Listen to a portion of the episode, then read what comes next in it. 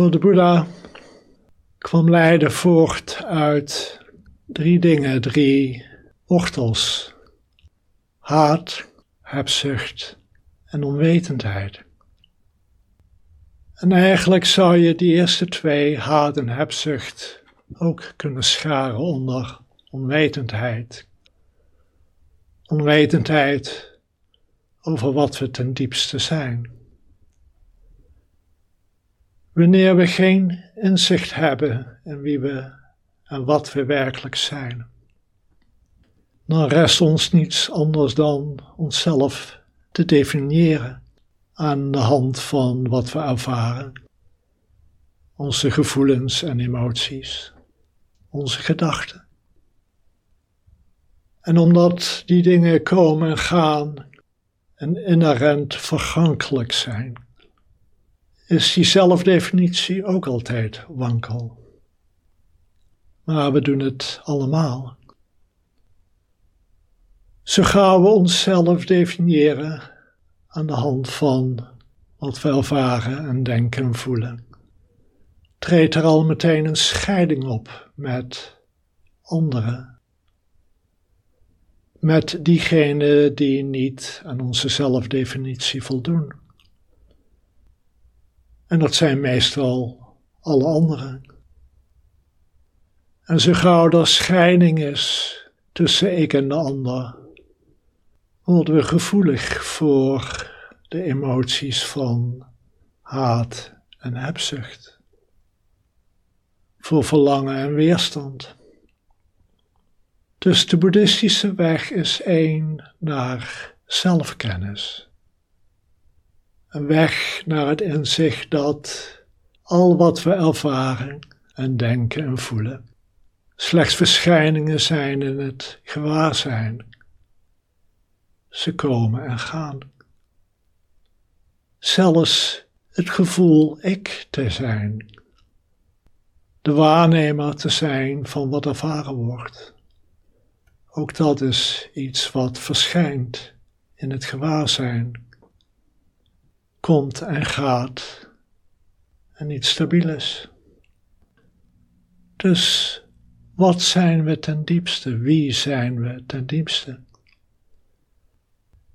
Ik zou het kunnen definiëren als dat wat gewaar is.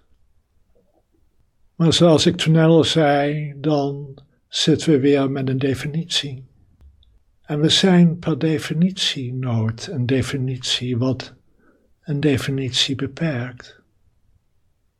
Diegene die zichzelf waarlijk kent, weet dat hij of zij absolute vrijheid is.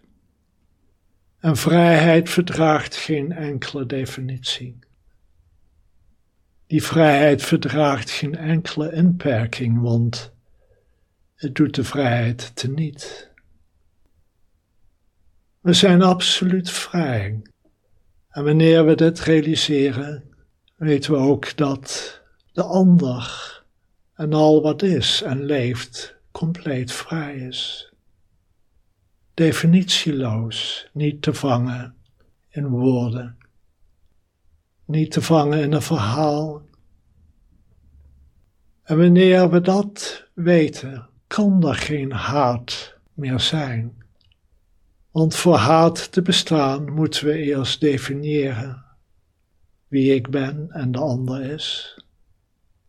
En daar een verschil in gaan aanbrengen. In waarde, in gevoel.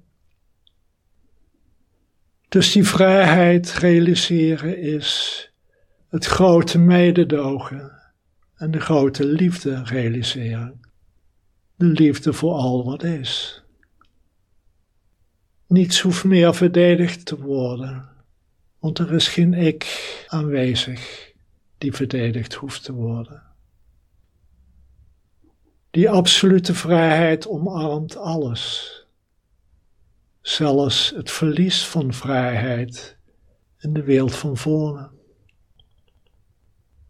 Deze wereld vraagt om tot inzicht te komen in wat we waarlijk zijn wil we ooit een einde brengen aan de haat en de hebzucht, dan moeten we eerst weten wie we waarlijk zijn. Dus onze oefening is om steeds weer te kijken, steeds weer te onderzoeken en op een dieper en dieper niveau loslaten van de definities die je met je meedraagt, die je zijn aangereikt en die je zelf hebt ontwikkeld. Weet dat ze je beperken. Ontdek die vrijheid die jouw geboorterecht is, die ieders geboorterecht is. Wanneer we samen die vrijheid realiseren, is daar werkelijk de echte vrede, de echte harmonie en de echte liefde totaal beschikbaar.